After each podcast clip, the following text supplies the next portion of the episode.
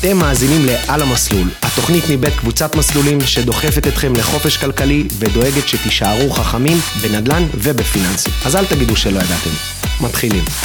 רכישת דירה. בואו נדבר רגע אחת ולתמיד איך עושים את הדבר הזה נכון. מלא ממליצים בדרך, מלא שטויות. תכלס, זה משהו שהוא די פשוט, נכון? אין פה יותר מדי. הופכים אותו למורכב, יש דברים מורכבים, שם צריך להכניס אנשי מקצוע, יש דברים פשוטים שתכלס כל אחד יכול לעשות ברמתו בבית. אני נזכר רגע בי, לפני uh, כמה שנים, משהו כמו עשר שנים, שקניתי את הדירה הראשונה שלי, וואלה, לא היה מדריך, לא היה כלום, פשוט התגלגלתי, התקשרתי למתווכים, לא יודע, הגעתי לאיזה עורך דין, פתאום הייתי צריך משכנתה, לקחתי, לא יודע, אין סדר פעולות, אתה לא מבין באמת, תכלס היה לי שם גם יותר מזל משכל שעשיתי גם עסקה טובה, יכלתי בקלות לקנות משהו שהיום אחרי שמונה שנים הייתי מוכר כמעט באותו מחיר שקניתי, אז יש סדר פעולות מדויק לדבר הזה. בכל אחד מהשלבים האלה יש תתי נושאים שבהם אתה יכול... או, או לחרב את העסקה, או לעשות את העסקה אה, סבבה. בואו נתחיל ו, ונתחיל להתגלגל, יש משהו כמה, שישה, שבעה שלבים שהם... אה... תכלס יש שבעה שלבים, אם רגע נפתח אותם לפני שנתחיל להיכנס לתוך כל אחד, לתוך העומק. השלב הראשון והכי ברור זה תכנון תקציב, הצבת מטרה. חלק גדול מהעסקאות לא תואמות בכלל את התקציב, לא תואמות את החשיבה, ובטח שלא עסקאות שאין להן שום מטרה. בשלב הבא, אחרי שתכננו את התקציב ובעצם הבנו לאן אנחנו אה, רוצים להגיע, אנחנו צריכים לפעול. לאישור העקרוני, בעצם לקבל אישור מהבנק לכל האירוע הזה, ומשם לבחור נכס, לחתום חוזה, לבנות תמיל משכנתה, לעשות משא ומתן, לסגור את העסקה ההרמטית, זאת אומרת את כל הביטחונות, לוודא שהכל מבוצע, והחלק החשוב מבין כולם, שזה בסוף לא הלקיחה והעסקה, אלא החיים איתה, כי... הכי קל זה לקנות בית, אבל מאוד קשה להתנהל איתו, להשכיר אותו, אה, לשמור עליו, לשמר אותו, זאת אומרת, להוציא ממנו יותר, לוודא כל הזמן אותה. לשפר עמדות במשכנתה, ופעם אחת ולתמיד נראה לי שנצטרך לעשות סדר. בפרק אה, לפני כמה פרקים דיברנו על איך מפעילים את כל אנשי המקצוע בנדל"ן, אם עוד לא הקשבתם לפרק הזה, אז אני ממליץ לכם בחום. אבל אה, המטרה של הפרק הזה זה גם למי שקונה את הדירה הראשונה שלו, זה ידבר אליו מדויק, ידע בדיוק איך להגיע. אבל גם מי שכבר עשה כמה עסקאות, אחת, שתיים, שלוש, ארבע, תמיד יש מה ללמוד, ולא תמיד הכל הולך חלק. כן. גם אחרי שנעבור על הכל, ככל הנראה לא הכל יעבור חלק, אבל... אי אפשר להכניס הכל ב-40 דקות פודקאסט, בטוח, כן, אנחנו אבל... גם, אה, גם זה בלתי אפשרי, אנחנו יכולים לשבת לדבר 20-30 שעות, וגם אז לא ייגמרו לנו המילים. אבל בתכלס נשתדל לעשות את זה אה, די אה, מקוצר ומדויק. אז יאללה, קדימה, מתחילים. בואו נתחיל. אז תכנון תקציב, בואו נדבר רגע על ה basic. אז אני, אני ואתה חווינו, הרי עשינו גם את המערך של ההרצאה שלנו על בסיס זה, על, אה, על המסלול לבית בלי משכנתה, על כל השיחות האלה עם, ה, עם אנשים בתחילת הדרך, שהם מתקשרים ואתה אתה כאילו מרגיש כאילו, אתה חוזר על הדברים בצורה מאוד רפטטיבית, כאילו על, על אותם נושאים ש... על ה basic. בן, בן אדם אומר לך, אה, אני רוצה לקנות דירה ליד הטכניון, אני רוצה לקנות, אני רוצה לקחת משכנתה של מיליון, אני רוצה בית של מיליון, אני רוצה לקנות דירה ליד המטרו. מלא דברים שהם ברמת הטקטיקה ולא ברמת האסטרטגיה, ואז בעצם... הכל מתבלגן. עכשיו, מה, למה אני אמרתי שלי היה מזל? כי אני קניתי בלי, אה, בלי איזה אסטרטגיה מאחורה, פשוט קניתי והתגלגלתי ועשיתי עסקה טובה. חיפשת דירות. אה, בדיוק, ו, ואני חושב שמה ש... מה שרוב האנשים נופלים בהם, בביג טיים, אם אני הולך לשורש, עזוב רגע על איך נראית המשכנתה, ואם יש מתווך, עורך דין שלך, או ששני צדדים, אנחנו נדבר על הכל. קודם כל, אסטרטגיה. אה, האסטרטגיה, הכוונה היא ש... שאנשים לא באמת יודעים מה נכון לקנות להם. עכשיו, בסוף יש מה שנקרא, מה שבן אדם רוצה, מה שהוא יכול, ומה שנכון לו. בסוף, אה, קטע, אנחנו מדברים כבר אותו דבר. מעניין, איך. הגיע הזמן אחרי הסוף. הגיע הזמן, כן. אז אה, בוא נתחיל רגע, איך אני בכלל יודע מה אני יכול לקנות, אוקיי? מה הדברים הפשוטים? מה בודקים? דבר ראשון, אני רוצה, לפני שאני בכלל נכנס לדבר הזה, פעם ראשונה, דבר ראשון נראה לי הכי פשוט, קודם כל, כמה כסף יש לי לעבוד איתו. בדיוק, כמה הון עצמי. שלי, כמה הון עצמי אני יכול להביא. עכשיו, מלא אנשים נתקעים על זה, כן? כי הם לא לוקחים בחשבון שיש מלא דרכים לגייס הון עצמי. זה לא, זה לא רק מה שיש לי בחשבון בנק, פה זה נגמר. נכון, לי... מפחיד היום לגייס הון עצמי, כי זה נשמע סכומים אדירים, 25% משווי הנכס. זה יכול להגיע הרבה כסף. וגם אין בתים מתחת למיליון שקל כמעט בשוק. בוא, אז כל דירה הכי מסכנה שאתה קונה דירה ראשונה, אתה צריך איזה 250 אלף שקל. עכשיו, תעשה את המתמטיקה, אנשים בקושי מצליחים לחסוך 2,000 שקל, 3,000 שקל בחודש, תחשוב כמה שנים... במקרה הטוב אם הם לא מאופסים או בתזרים שלילי? יכול לקחת לך 5-6 שנים רק לחסוך את הסכום הזה, בקלות. בקלות, 5-6 שנים, עזרה מההורים, קצת מזל. אה, מענקים אה, של השחרור מהצבא, וממש לדחות סיפוקים ולא לשרוף מלא כספים בדרך. עכשיו, זה שיש לי, שאין לי כסף כרגע, יש לנו מלא לקוחות שעשו עסקאות שבאו עם כמה אפס שקל מהבית, נכון? אפס. שעבדנו כאלה- את הבית של כאלה ההורים. הגיעו במינוס. הגיעו במינוס. נכנסו לעסקה במינוס. כן. נכון? אז סתם דוגמה, הלוואות שאיכותיות שאפשר... הלוואות איכותיות, לא הלוואות בכרטיס אשראי בקליק שאתה נתקע עם 10% ריבית והחזר חודשי גבוה, אלא הלוואות איכותיות, 150, 200 אלף שקל. כמובן לראות שהכושר החזר תואם את זה, אבל סכום משמעותי, בריבית טובה, בנק יהב, אוצר אחד, דברים כאלה יודעים לתת את זה היום. זה משהו שמאוד נוח, 150 אלף שקל זה כבר סכום שאפשר לעבוד איתו, בסך הכל אלף שקל בחודש לשלם משכנתה, אלף חמש, אלה, סליחה, לשלם אה, החזר חודשי של הלוואה, 1,500 שקל, זה לא בשמיים. לא בשמיים. משכנתה, הורים שמתים לעזור לילדים שיקנו בית, אבל אין להם איך לעזור, כי הם לא בכלל מבינים שיש אופציה לשעבד את הבית של ההורים ולקנות עם זה דירה להשקעה. עכשיו, שזה מוצר שחייבים רגע לדבר עליו. בסוף הרבה הורים רוצים לעזור. הם יכולים לעזור בשתי אופציות עיקריות. האחד זה לעזור לנו בעצם בסכום של כסף, שזה אה, משכנתה על בסיס, אפילו יש לה שם, נקראת משכנתה עזרה לילד, שהמטרה שלה היא בעצם לקחת, לחלץ הון עצמי על בסיס הנכס הקיים של ההורים, שכבר הגיעו למצב שהמשכנתה שלהם נמוכה, או שבכלל אין להם משכנתה. והדמות השנייה זה בעצם להיות ערבים, לעזור להם גם בכושר ההחזר, שתכף אה, זה השלב הבא שאנחנו נדבר עליו. אם אני מסכם את זה רגע, סליחה שאני עוצר אותך, בסוף זה או כסף שלי שחייב, קודם כל, לא נדבר בפרק הזה על דחיית סיפוקים, אבל רוב האנשים רוצים אייפון חדש ורוצים הכל חדש, ושוכחים בכלל על מה המהות של לחסוך, גם את המעט שהם חוס, חוסכים לא משקיעים נכון, ובסוף ליצור הון שהוא משמעותי ללהתחיל לקנות דירה. לא ו- משקיעים נקודה, לא לא משקיעים נכון, פשוט לא, אנשים לא חושבים על להשקיע בכלל, פשוט משאירים את זה- הכסף בעו"ש. אני באתי, הייתי נחמד היום, כי יש כאלה שכן בכל זאת שמים את ה-2,000-3,000 שקל האלה שמצליחים לחסוך, שמים באיזשהו אפיק שהוא משקיע, לפחות מניב, שומר על ערך הכסף, עזוב, אל ת... כן. לא נלך, לא נלך לזה, כי היום גם ככה, עם האינפלציה צריך לדעת בדיוק מה לעשות עם הכסף, כי אחרת הוא נשחק. אז בסוף זה כסף שלי שהוא חייב לבוא בדמות חיסכון והשקעה קונסטנטיבית, זאת אומרת כל הזמן. והחלק השני זה כסף של מישהו אחר, בין אם זה הלוואות, בין אם זה ההורים שיכולים לבוא לעזור. כמובן, כל מה שאנחנו אומרים פה זה לא המלצה אישית, צריך לבחון כל מקרה לגופו, לדעת בדיוק מתי אפשר להתמנף, מתי זה מסוכן. אל תיכנסו להיריון בלי שהתכוונתם. זאת אומרת, בדבר הזה זה בטוח, זה לא המקום. פה אין פוסטינור, אין מה. אין, אין פוסטינור לדברים האלה. השטויות שאתם עושים. בסדר, אז הגעתי הון עצמי, לצורך העניין, כן הצלחנו לגייס 250 אלף שקל, אני חסכונות חסכתי קצת, הגעתי מההורים, איזושהי הלוואונת קטנה, הגעתי להון, אני כל רוצה, זה דבר ראשון, זה אמרנו, הון עצמי, 250. other people money או מה שיש לי בגדול, OPM או מה שיש לי. הדבר השני, שהכי basic, מה שנקרא השאלות הראשונות שאנחנו שואלים בן בן אדם בטלפון, כמה הון עצמי יש לך? כמה הכנסות שלך? בוא דבר איתי רגע. מה זה הכנסות? הכנסות בסוף, בוא, בשביל להיכנס לעסקת נדל"ן אתה צריך בנקים.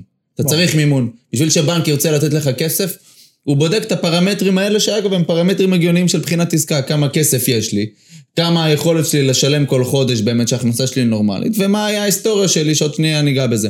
עכשיו, הכושר החזר, מה זה אומר? אם אני מכניס עשרת אלפים שקלים בחודש, לצורך העניין, נטו, לא ברוטו, פחות נגיד יש לי 2,000 אלף שקל, 2,000 שקל הלוואה על רכב, זה אומר שהכנסה הפנויה שלי 8,000 שקלים. על ה-8,000 שקלים אני יכול לשלם בערך, בואו לא ניכנס בדיוק למספר, שליש, בסדר? משכנתה, אוקיי? זה, זה פלוס מינוס הנתון. עכשיו, מתוך זה אני מבין מה סכום המשכנתה שאני יכול להעמיס על אותו בן אדם, בזה, מזה בעצם הכל נגזרת. בשביל לחיות עם משכנתה בצורה נורמלית ובמקום שלם, אתה צריך תכלס לשלם באזור בין 20 ל-25 אחוז, תכלס בשביל באמת לחיות עם משכנתה. אגב, קבלו לא נתון, 40 אחוז. קבלו נתון, 40 אחוז מההלוואות החדשות שנלקחות בשנה האחרונה למשכנתאות, הם מעל 30 אחוז מסך ההכנסה החודשית. זאת אומרת, העומס לא מתחיל. לעלות, אגב, ועוד נתון קבל, אנחנו נושקים עוד כמה דקות למיליון משכנתה ממוצעת. אימא'לה, זה היה שבע שנים, 650,000. 650 אלף שקל, לפני שש או שבע שנים. היום, מיליון שקל, תבינו מה זה אומר על המחירים, תבינו מה זה אומר גם על, יואו, מיליון על שקל. הסיכון שאנחנו מוכנים לקחת עבור לא הדבר נורמליים. הזה שנקרא דירה. אנשים לא נורמליים. אם אני רגע עוד פעם מסביר על כושר החזר, אני רוצה שניכנס לזה, כי חונות פה ים של בעיות, בעיות מקודם כל מה, מה נחשב כהכנסה, מה נחשב כהתחייבות, איפה, ה- איפה, עם מה אני יכול לשחק, עם מה אני לא יכול לשחק.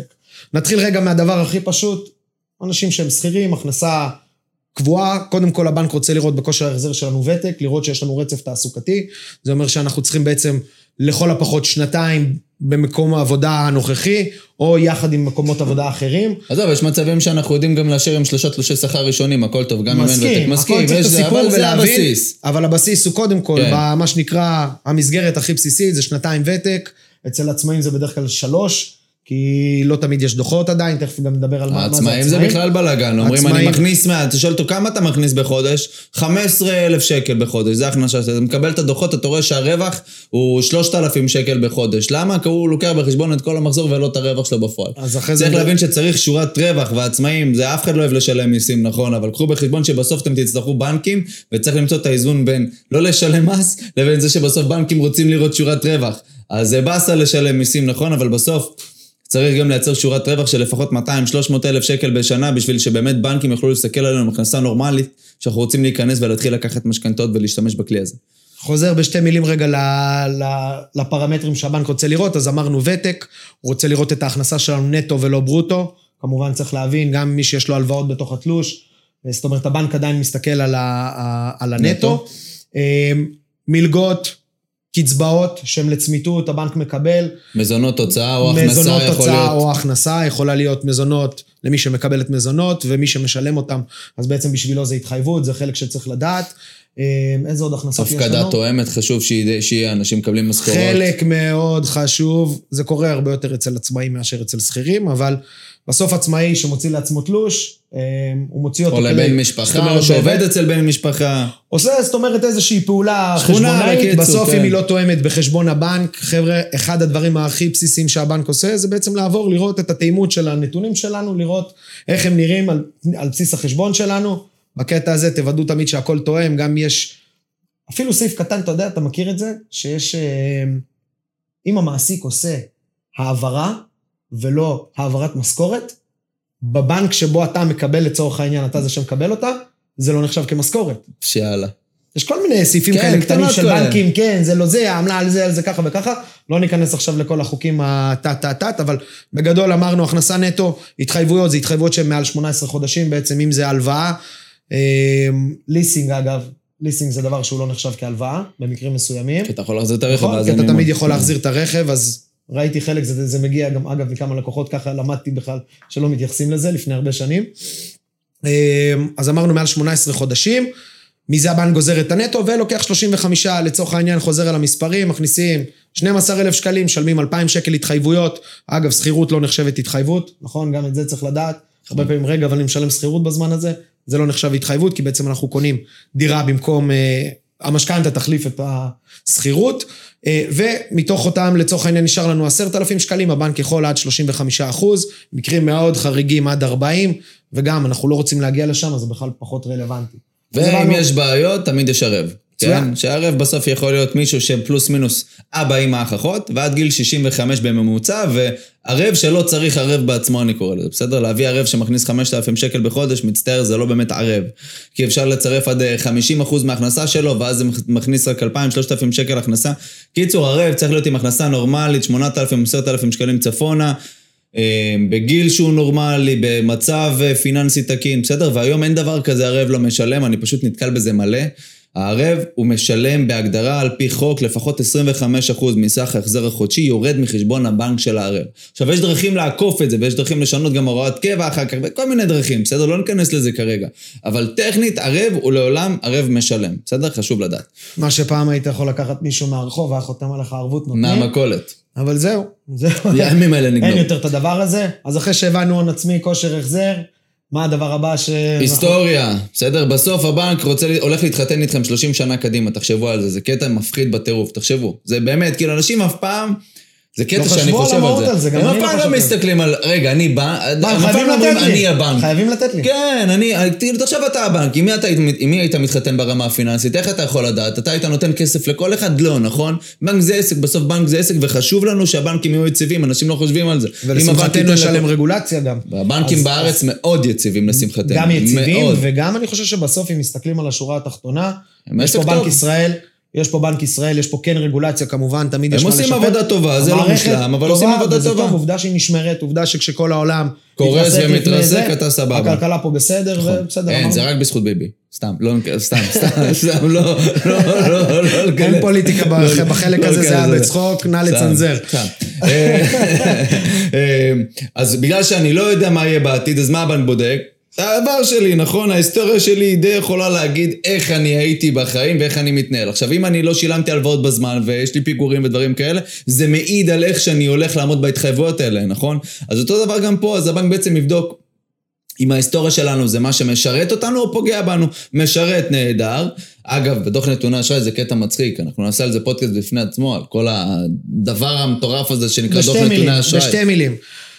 בחלק מהעולם המערבי, ברובו למשל בארצות הברית, באנגליה, קיים כבר המון שנים מודל שפשוט אמור לתת הערכה ללווים. ב-2019 נכנס אותו חוק למדינת ישראל, שנקרא חוק נתוני אשראי, שבעצם במסגרתו אימצה, אימצה המדינה פחות או יותר שילוב של מודל אמריקאי עם אה, עוד כמה ניואנסים ישראלים, שאמור לדרג בסוף איכות לווים. האיכות הזו בעבר הייתה מתבססת על בסיס נתונים מאוד מאוד חסרים. המטרה של כל המערכת היא להגביר בסוף את התחרות על האשראי, להראות מי באמת הלקוח, והמשמעות רגע בשבילנו האנשים זה שאחד, הבנקים היום רואים את כל הפעילות שלנו, גם את הפעילות אחורה. אמ, ההתנהלות היום היא, בסוף בארצות הברית יש אה, קטע. אתה יודע מה זה מזכיר לי? מה זה מזכיר? טוב, לא, לא נקוד בשמם, אבל לקוחות שהגענו לחתימות, ו, ופתאום הבעל זה גילה בחתימות שהאישה לוקחת הלוואות בלי שהוא יודע. עזוב, לכן לא רוצים לברך. זה מזכיר לי, בסדר, ואז היא אמרה לו, סתם לך כזה בחתימות. לא, יפה, אז לא, היום יש דוח נתוני אשראי שבעצם רואים את כל הפעילות שלנו. חלק גדול מהאנשים סוחבים איתם איזה שהם רגליים, איזה שהם בעיות. מהעבר לא תמיד מבינים את המשמעות, אז היום יש דוח אחד מרכז, כל אחד יכול בעצם להוריד את הדוח הזה בחינם. וגם אם יש בעיות אפשר להתמודד עם זה, כן? אפשר להתמודד עם הכל. תמיד יש עם מה להתמודד. רק צריך לדעת מה אתה עושה. אבל צריך לדעת, גם בבעיות, צריך לדעת בסוף להציג את עצמך נכון. בסוף, חבר'ה, זה עסקים, עם עסקים צריך לדבר כמו עם עסקים, ולדעת להסביר את עצמך, לא להגיד למה ככה. שפה משותפת, תמיד. בדיוק, להבין. ולא מעניין, ולא מעניין אותם שאתה חולם להיות יזם, ורוצה לבנות בכיכר המדינה. ולא מעניין אותם העתיד, אז אם אנחנו מסכמים את זה, בסוף מסתכלים על העבר, ואת העבר אתם תמיד תצטרכו לשמור עליו, כי אתם לא יודעים מתי תצטרכו בנקים, וככל הנראה תמיד, בטח שמי שרוצה להתקדם בחיים. והווה, הבנקים מסתכלים על ההווה, לא בעתיד אני אכניס 20, אלא 30, אם 40. עכשיו סיימתי לימודי רפואה, בסדר? זה דברים חריגים שהבנק אה. כן לוקח את זה בחשבון, אבל זה, זה נגיד משהו בפני עצמו. כי מבינים, שבע שנים רפואה, עכשיו הבן אדם מתחיל לראות כסף. ברוב המקרים, אה, בוא, השכר לא קופץ עכשיו ב-200 אחוז. נדיר, נכון. זה נראה לי אחד המקצועות היחידים שבו יש מ-0 ל-100, כי רוב האנשים כבר מתחילים לעבוד תוך כדי הלימודים וכן הלאה. וכן הלאה. אז אוקיי, דיברנו על העבר, הווה, תכנון תקציב. סבבה. אז יאללה, אחרי שדיברנו על, על הנושא הכי חשוב, שזה תכנון התקציב, הצבת מטרה, תזכרו, 90 אחוז צריך להתעסק בתכנון, 10 אחוז בביצוע, בישראל רגילים לעשות הכל הפוך, לתכנן קצת, קצת, קצת, ולהתבחבש בתוך הביצוע 90 אחוז, להימרח, להשתגע. תעשו טובה, תכנון תקציב, אמרנו, דיברנו על הכל. בשלב הבא, אנחנו צריכים להתחיל להתקדם. אישור עקרוני, שזה, יש לזה שם גדול. האישור העקרוני, היום בגלל העומס של הבנקים, הם מפנים אותנו למוקדים טלפונים דיגיטליים, רק תמלא פרטים ונחזור אליך. חלק גדול מהאנשים חושבים שלקבל אישור מהמוקד עם איזה כלום ושום דבר כזה, זה משהו מחייב. אז לא, צריך להבין שהאישור הוא חייב להיות קונקרטי. הוא חייב להתייחס למסמכים, לא ניכנס גם למסמכים, איזה מסמכים בדיוק צריך מלבד תעודות זהות, הכנסות, חשבונות, ריכוז יתרות, פירוט הלוואות, דברים כאלה. אבל בואו נדבר על עצמו, מה אומר האישור העקרוני? פשוט, האישור העקרוני קודם כל הוא... בוא, בוא נעשה בזה סדר. אחד, הוא מדבר על המהות של העסקה, הוא חייב להיות תואם לעסקה, הוא לא איזה אישור דיגיטלי שסתם באוויר, בסדר, ולא על בסיס סכום. מהות העסקה, מה ההכנסות שלי, מה ההון עצמי שלי, מה... כל הדברים, במקרים מסוימים בדקו, כמובן בדקו את המסמכים שלי, ראו שהכל תואם ומתאים, ולא סתם על סמך מה ש... לא רק על סמך ההצהרות שלי, אלא על סמך הדברים ה... זה שאישרו לי עסקה יד שנייה, לא אומר שעכשיו לא, אם אני רוצה לבנות בית... זה בדיוק אותו דבר. ממש לא אותו דבר, שונה לחלוטין, צריך לעשות התאמות. לעשות את ההתאמות. אה, זה, זה ככה בגדול. זה דבר נוסף שחשוב להבין פה, וגם כן, אנחנו מדברים על זה הרבה בכנסים של המחיר למשתכן. הקטע שאחרי המוקד, או לפעמים עזוב את המוקד, הגיעו, קבעו פגישה בסניף. מכיר את האלה? תיאמתי פגישה בסניף. גם בסניף שלהם. ואז תמים פגישה בסניף, ואז אתה חייב להתנהל מול איזה סניף עם בנקאי, עם בנקאי או בנקאית בינוניים. בסדר, לא גרועים. אבל לפעמים אתה צריך בנקאים שאתה יודע לסמוך עליהם, שהם טובים, שיודעים את העבודה, ואז אתה חייב, בגלל החוק האתי בין הבנקים, שאי אפשר להעביר בקשה בין סניף לסניף, אתה תקוע לעבוד מול אותו בנק, מול אותו סניף. ואז בעצם, אני, אחי, אני ראיתי... מול אותו סניף ומול אותו בנקאי. מול אותו סניף ומול אותו בנקאי, ואני ראיתי מצבים שבהם, אני אומר לך, ש... ש לקוח שאני יודע, אני יודע שאני מעביר אותו בבנק הזה, מעביר, מאשר לו משכנתה, פתח בקשה בסניף X, ואני יודע שאם אני פותח לו את הבקשה בסניף Y, הבן אדם מקבל אישור למשכנתה, וזה ברמה הזאת, מגו, כאילו no go לגו כזה. נכון. פשוט פתח בקשה במקום אחר, עכשיו לך תתמודד ותשבור שיניים. אה, אז זה לגבי זה. עכשיו, אם אני מדבר רגע במילה על העניין של הסירובים. מה קורה עם סורב? מה קורה אם סורבתי? הרוב הגדול, יש בגדול שני, שני, שני סוגים של אנשים שמתמודדים עם סירוב, אוקיי? שלושה סוגים. יש את הסוג הראשון, שמכניס את הזנב בין הרגליים, מקפל הכל, בורח, לא נכנס לבנקים במשך. שנה. לא, מפחד, נבהל, לא, קיבלתי שהוא- ביי, בורח. זה השני, זה הגולנצ'יק, זוכר את גוליבר מסדרת טירונות פעם? בטח. שבסוף הוא לא צריך לעבור את הקיר, ועשה חור. גבעתי, סליחה, ועשה חור בקיר? בטח. זוכר? אין על גוליבר. אין על גוליבר מטירונות. פרקש לא נתן לו ללכת לישון, אמר. לו, שם אותו. אתה תעבור את החומה. וואלה, היה בס- יצירתי. חזר בתשובה פרקש, אחרי כך. קיצור, לא משנה לאן ברחנו. קיצור, זה גולנצ'יקים, נכנסים לכל הסניפים, אותו דבר, אותו דבר ראש בקיר, במ במ במ במ במ, שורפים, אתה בא בתור איש מקצוע לנסות לתקן את הנזקים, פתחו בקשה פה ופה ופה, ונגמר. ההוא כבר, את כל מה שהוא לא היה צריך להגיד, אמר לבנקאית בפנים, הכל מתועד במערכת, עכשיו לך תסביר להם למה אי אפשר לעשות את זה. אז, והסוג השלישי, זה אנשים שעוצרים, הולכים לאיש מקצוע, בסדר? מבינים את המהות. מבינים שזה כבר אה, נהיה אישו מורכב, מחפשים איש מקצוע שאפשר לסמוך עליו שידע לתת את הקבלות. קיבלתם סירוב, תעצרו, חפשו איש מקצוע. בדרך כלל, הרוב הגדול הם לא... בגלל שיש אגו, הם לא נבהלים והולכים אחורה, תכלס הרוב הגדול פשוט מתחילים לראות לכל הכיוונים. אה, זה ואז מוכנים להתפשר. על הריבית, לא מבינים איפה הם עזוב בסקאלה. ריבית, קודם כל העיקר רק קבל את לקבל הכסף. עזוב, קודם כל קבל את הכסף, זה, זה, זה לא מעניין. העניין הוא שבסוף הם נותנים פול גז, זה כמו רכב שמתחפר בחול, נותנים פול גז, בסוף הוא יורד על הגחון, שבאותה נקודה שהוא מתחיל, מתחיל להתחפר, הוא צריך לעשות בדיוק הפוך, הוא צריך לשחרר את הגז, ללכת אחורה ולנסות לאגף. והם עושים בול הפוך. נותנים גז עד שהם על הגחון, ברגע שהם על הגחון, כמו איזה צב על הגב, לך תציל אותי. ואז אתה צריך, הבקרת נזקים שלך היא הרבה יותר קשה, זה הכל על סמך קשרים אישיים, ולדבר עם הנהלות מרחב, ודברים, ואם ובלאגנים. סורבת גם אתה צריך להמתין, כי באותו בנק בסוף, הרגע סורבת, אף אחד לא יגיש את הבקשה הזו עוד פעם, אם הגשת אותה נכון. אז צריך להבין פה שלכל מילה שלנו יש משמעות. לוודא את ובוא, הדבר הזה, ותגיד לי רגע בשנייה לפני שאתה מתקדם, על מה אני יכול להיות מסורב בכלל? מה מה הפרמטרים על פיהם אנחנו יכולים להיות מסורבים? יש את. יש את הדברים, לא יגידו יש את זה. הדברים הפשוטים, שזה אין הכנסות, שזה אפשר לפתור עם ערב, אם יש ערב. אם אין ערב זה כבר מתחיל להיות איש יותר מורכב. אה, אין לי מספיק אה, הון עצמי. הנכס, העסקה היא בעייתית, יש בעיה רישומית, מלון, דברים, עניינים. זה עוד בשלב הבא, זה כי בשלבים מתקדמים, חלק זה גדול קשה. מהאנשים מגיעים עם נכס, ורק אז מתקדמים לאישור. קודם דירה כל מצאתי את הבית. מפוצלת, לא מפוצלת, כן, לא. יורשים. ובדרך כלל, הרוב הבעיות הם על סמך ההיסטוריה של האנשים. בעיות בהיסטוריה.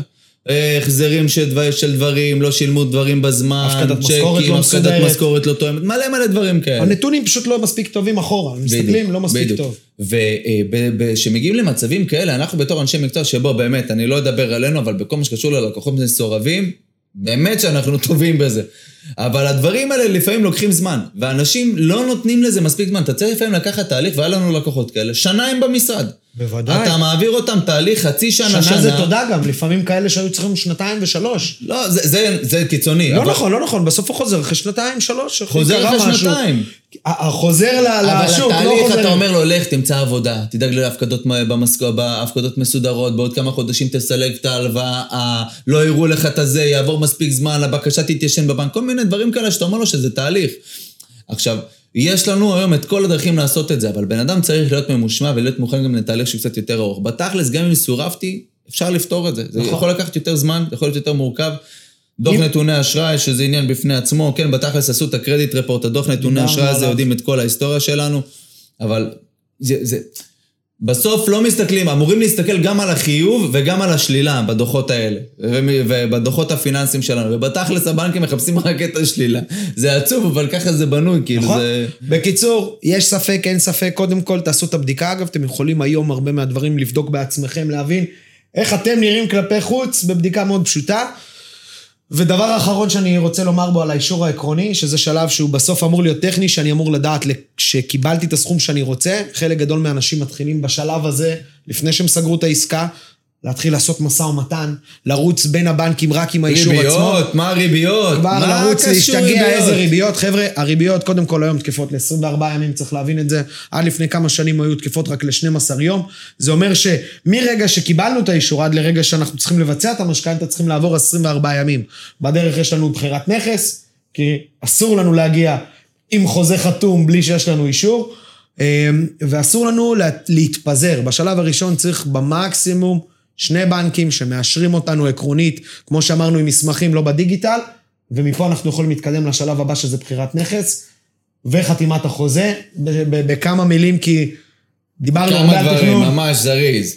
בגדול, אם אני באחוז מימון מקסימלי, דברים בסיסיים שאני עושה, תמיד אני אעשה שמאות מוקדמת. חשוב לי לדעת לפני שאני חותם על חוזה, כי אם שווי הנכס, בסוף זה לפי הנמוך מביניהם, חוזה הרכישה או שווי השמאות. אם השווי של הבית שלי נמוך יותר ממה שחתמתי בחוזה הרכישה, אני צריך להביא יותר הון עצמי מהבית, ואם אני עושה עסקה שהיא באחוז מימון מקסימלי וההון עצמי שלי מוגבל, אני מסתכן. לכן לעשות שמאות מוקדמת, גם אם היא עולה קצת יותר. בדיקה של הרישום של הנכס, נכון? טאבו או מינהל, בסוף יש תעודת זהות של הנכס, רשום במקום מסוים. אפשר לבדוק שם הרבה מאוד דברים, יש הערות אזהרה, אין עוד הערות אזהרה. גודל. אחי, ראינו גם דברים שהבתים, יש בעיות ברישומים, אתה יודע שהשכן רשום על זה, וזה לי. רשום על זה. כבר הגענו להכל, אישרנו את המשכנתה, לווה בעייתי והכל, בסוף מתגלה שהחוזה רשום על השכן. הם לפני 40 שנה, זה קרה בקריית חיים, לפני 40 שנה, פשוט רשמו לא נכון את החלקות על המשכנתאות ואת יואו. הבעלויות. ומגיע השמאי והתסריט בעצם לא תואם, וזה... הלכה משכנתה. הלכה המשכנתה, הוא, הוא, הוא כבר זהו, זה אי אפשר היה לעשות את ההעברה, כי זה דורות אחורה, והוא היה צריך כבר להעביר את הכספים, הביא מהבית. הלך למשפחה, לקח הלוואות, כאילו, אימא'לה. זה הדבר הכי נורא ש, ש. שאפשר היה לעשות. אז אמרנו לבדוק את הנסח רישום, היום נסח טאבו 15 שקלים, לא 90, לא 70, לא 80, גם לא לא. להיכנס למודעות, אתר ממשלתי, מורידים נסח טאבו, מי שלא יודע גם מה זה אומר, אז לכל נכס יש בסוף גוש, וחלקה הגוש זה רחוב או, שכונה, או, או מספר בניינים, רחוב, כן. חלקה זה בניין ותת חלקה זה דירה. בסוף לכל דירה יש את התעודת זהות שלה, תוציאו, קודם כל תראו שמה שאומרים לכם 100 מטר זה 100 מטר. גם תסריט בעניין בית משותף אתם יכולים, תיק בית משותף. ולמי שטיפה רוצה להתמקצע ולהבין גם קצת מה שמאי עושה, שבסוף הוא אמור לתת את המחיר הזו, אחד, רואה את הרישום, שתיים, עושה את ההתאמה של ההיתר ומה שמותר לעשות, לראות שאין חריגות, לראות שבאמת, אם אני קונה בית שהוא 90 מטר בטאבו, אז הוא צריך להיות גם דומה לזה בתסריט, לוודא שהבית נמצא. והדבר האחרון זה, לפני שאתם בוחרים נכס, היום יש מדלן, יש המון אתרים שבהם כן, אפשר לראות תראו את שאתם המחירים. קונים במחיר טוב, כפרה עליכם, די כבר עם השטויות גם האלה רשות לקנות בית המיסים מ- הנגישה את כל העסקאות היום, ופשוט אפשר לראות באותו רחוב מה העסקאות ב-X זמן, ולראות שאתם לא קונים בסוף במחיר למטר הרבה מעל השוק. היום בגלל הטירוף הזה, וזו נקודה קריטית. קונים 15 גבוה. אחוז פשוט קונים, ומחכים שהמחיר ידבק למה שהם קנו, כדי להוכיח. שזה היה שווה את זה. כן, להצדיק. את העסקה. אז תעשו טוב, טובה לעצמכם. תעשו טוב, ותבדקו. כן. תעשו טוב וטובה. תבדקו, ומה עוד היה לנו? עורך דין, עורך דין, רגע. בשביל לחתום על חוזה רכישה, בסדר, זה הבחירה של הנכס. בשביל לחתום על חוזה רכישה צריך עורך דין. עשו, עשו טובה לכם, לעצמכם, לנו, לכל מי שלידכם. קחו עורך דין שמייצג רק אתכם ולא את שני הצדדים. לא יודע כמה עורכי דין יסכימו איתי, לא יסכימו איתי, אני אומר לכם שעורכי דין אמורים להסכים איתי פה. אני נתקלתי בסיטואציות שבהם לקוח היה בהפרה, בסדר? לקוח היה בהפרה. מה שקרה בפועל עם העורך דין של שני הצדדים, שתחשבו שעכשיו העורך דין שייצג את הלקוח בחתימה על החוזה, עכשיו מוציא לו מכתב על ההפרה, כי הוא מייצג גם את המוכר של הבית. עכשיו, את מי הוא מייצג? אתה הולך לבית משפט, אתה עורך דין שלי או שלו? של מי? אני לא הצלחתי לעמוד בתשלומים כי המוכר לא סיפק לי את המסמכים הרלוונטיים. זה הוא אשם, לא אני אשם שאני לא הצלחתי להעביר לו את הכסף בזמן, זה כי הוא לא סיפק לי את המסמכים. עכשיו העורך דין, מה הוא עושה? אין לו מה לעשות. לכן תמיד תיקחו עורך דין שהוא אך ורק שלכם.